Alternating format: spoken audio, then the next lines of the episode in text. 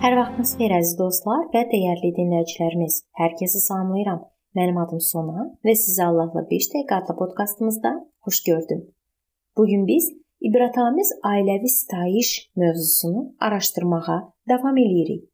Müqəddəs kitabdan bildiyiniz və ya şənbə günü məktəbində tapşırılan hissələri ucadan oxumaqla və öyrənməklə bu həqiqətləri ürəyinizə əbədi həkk edə bilərsiniz.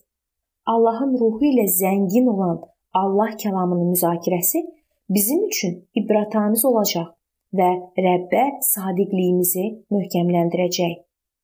Ailəvi sitayiş zamanı ilhamlanmaq üçün Allahla ünsiyyətimizin zəruriliyini dərk etməliyik.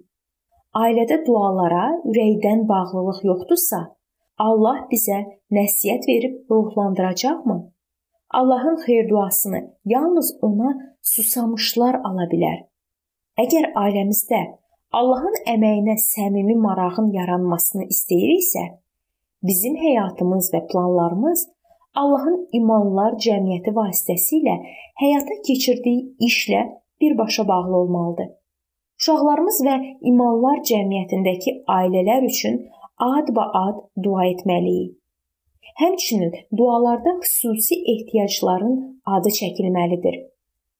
Yaşlılar, xəstələr və imanlar cəmiyyətinin əzab çəkən üzvlərinin, yetimlər və dullar, gənc ailələr və körpəsi olan ailələrin, yeni imana gələnlər, Məsihçi məktəbinin müəllimləri və müjdəçilərin bizim duada dəstəyimizə xüsusi ehtiyacı var. Konkret ehtiyacları yadda saxlamaqda və ürəyimizin Allah adamları ilə bir vurmasında bizə imanlar cəmiyyətindəki ailələrin siyahısı, həmçinin əvvəlki dua yığıncağındakı ailə üzvlərinin və imanlar cəmiyyəti üzvlərinin ehtiyaclarının siyahısı kömək edə bilər. Bu bizi Rəbbin işinə daha geniş baxmağa, puç olanlara görə daha güclü narahat olmağa və öz imanlar cəmiyyətimizin işində fəal iştirak etməyə ruhlandırar. Duamızda konkret ehtiyacları xatırlamağa səy göstərərkən onların daha canlı və ruhlandırıcı olduğunu aşkar edəcəyik. Ümumi sözlərdən ibarət dualar bizdə diqqətin və marağın itməsinə gətirib çıxarır. Belə dualar bizim mənəvi hissimizi körşaldır və Allahın ürəyinə toxunmur biz Allaha konkret duaların daha xoş gəldiyinə əminik.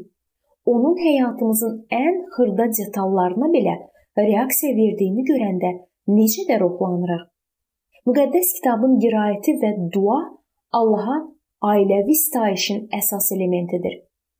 Ailəvi ünsiyyətinin gözəl sonluğu birgə oxumadır. Təklifin uşaqlar tərəfindən gəlməsini və oxumada onların iştirakını hər tərəfli dəstəkləmək lazımdır. Ailənin bütün üzvləri balacalarla uşaq mahnıları oxuya bilərlər. Oxumağa vərdişini inkişaf etdirəcək və yaxşı mahnıları dəyərləndirməyə kömək edəcək yeni mahnıların öyrənilməsi hərdən yerinə düşər. Yerinə düşən şərhlər mahnının mətnindən praktiki dərs çıxarmaq və sözlərdəki obrazlara diqqət çəkməyə kömək edə bilər. Allahdan ailəmizi hər gün onun huzuruna gətirmək üçün bizi ilhamlandırmasını xahiş etməliyik. Elə bir vaxt seçməliyik ki, stajimizin müxtəlif işlərə və ehtiyaclara görə yarıda kəsilməsin. Düşmənin həqiqəti oğurlamaq cəhdinin qarşısını almaq üçün çox səy göstərməli və daim ayıq olmalıyıq. Biz ailəmizə Allahın nəsihətinə qulaq asmaq və onun ardınca getmək həvəsini inkişaf etdirməyə, həmçinin uşaqlarımızın sitayişində yanan məşəli qorumağa həvəsləndirməkdə kömək etməliyik. Necə ki, qartal yuvasında balalarını sövq etdirərək uçurur, onlar üzərində qanad çalır, qanadlarını açıb onları tutur, pərlərin üzərində aparır, eləcə də Rəbb onunla hər gün ünsiyyətdə olanı qoruyacaq.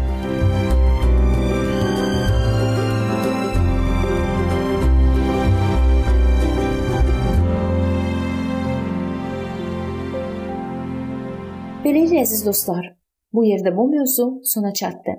Hər zaman olduğu kimi sizi dəvət edirəm ki, bizim podkastlarımızı Facebook səhifəmizdən və YouTube kanalımızdan dinləməyə davam edəsiniz. İndi isə mən sizinlə sağollaşıram və növbəti görüşlərimizdə görmək ümidi ilə. Sağ olun, salamat qalın.